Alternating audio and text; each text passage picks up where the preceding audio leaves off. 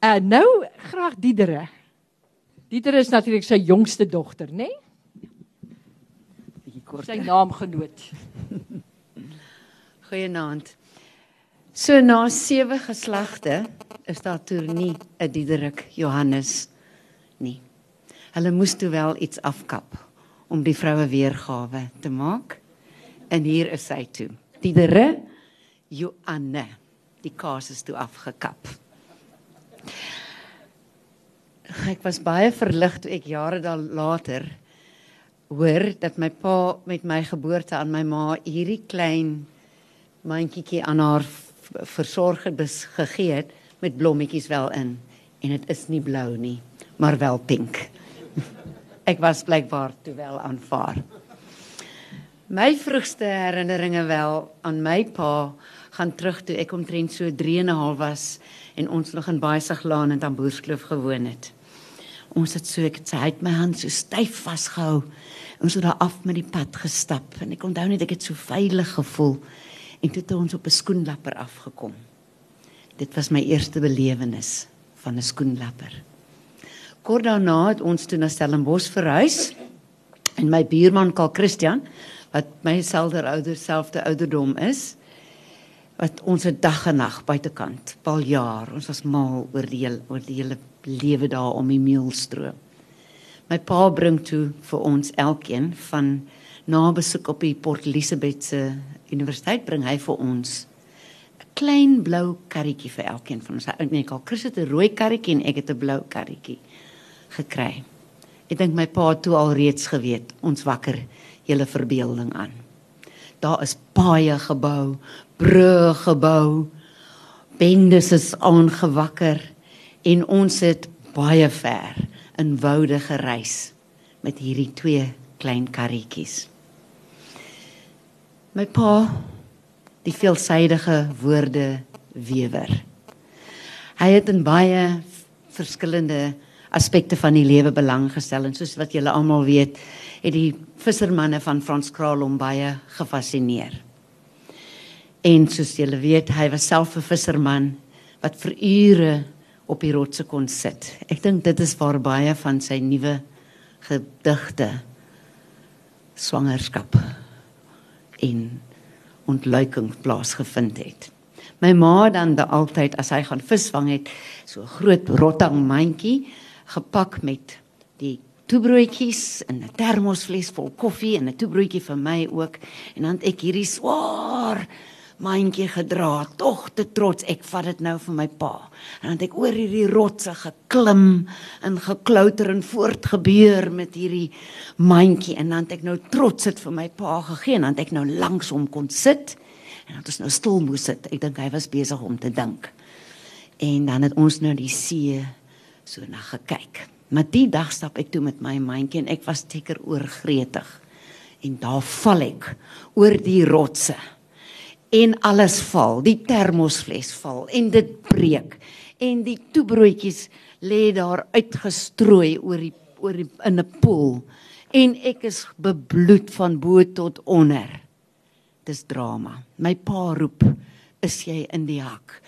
Maar ek kry skaars 'n woord uit want ek is huilend ontsteld want ek kan nie nou vandag met trots vir hom sy mandjie met die termosfles en die toebroodjies neem en by hom sit nie.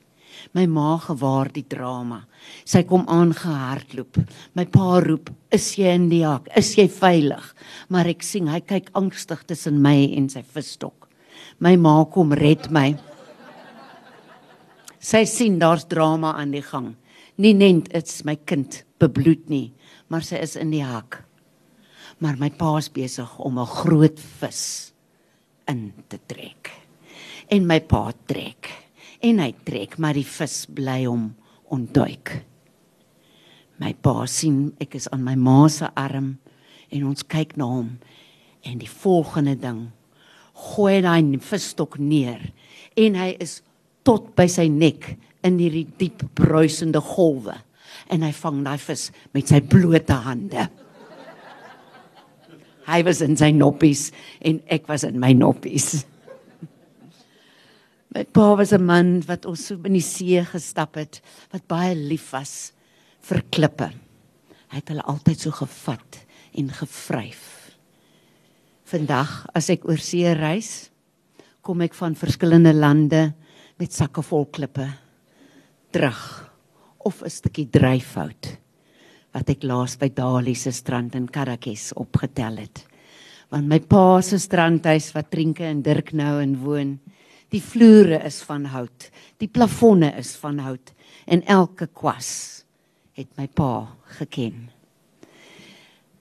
Ek onthou ek vertel julle maar eenvoudige stories want julle almal met julle literêre kennis ek is die ander kant van my pa en ek vertel julle stories wat ek as kind van my pa onthou. Na hy aan die herstel was na die lang koma het ons graag soos twee stout kindertjies. Het ons in die geel Renault geklim en by die Italiaanse winkel gaan roomys koop. Elke moontlike geur wat ons moontlik in daai bakkies kon pak, het ons gepak. Dan het ons vinnig in Jonkershoek opgejaag en by ons geliefde ehm um, boomstomp oor die rivier gaan sit. Tone in die water oor die trippelende water wat daar kappel oor die klippertjies.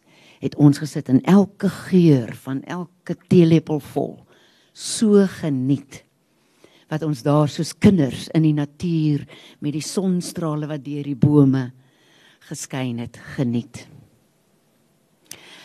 Ek luister na wat al hierdie hooggeleerde mense hier vanaand van my pa vertel en dan van jonger studente wat hier sit. Heel wat ander mense wat hom nie geken het nie. Maar ek kan sien hy het baie nie net as digter oorgedra nie, maar ook as mens van sy siel oorgedra aan ander mense. En een van my goeie vriende wat ek maar omtrent 5, 6 jaar ken, Henry wat ook in die gehoor vanaand sit, het my kort gelede verras. Oor 'n beeld wat hy van my pa gemaak het. Soos gesê, oor 2 aande en 'n halwe bottel whisky. Ek dink my pa sal daaroor goed dit goed gekeer het. Ek wil dit graag met julle deel twee aande en 'n halwe bottel whisky.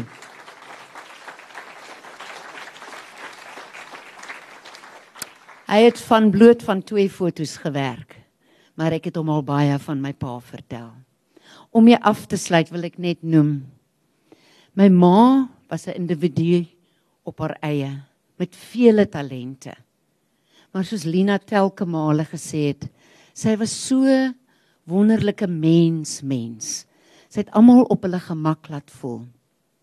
Sy het almal altyd laat voel dat hulle die belangrikste persoon in die wêreld is. Saam was sy en my pa 'n ongelooflike samespel. Sy was sy ruggraat van ondersteuning en totaal toegewyd aan hom. Hulle was 'n samespel met haar fyn oor vir die digkuns en haar absolute passie om woorde te gaan naslaan om hulle oorsprong te vind. Hulle was 'n span vanuit die hoogste rakke. Ek saluut twee wonderlike ouers. Dankie.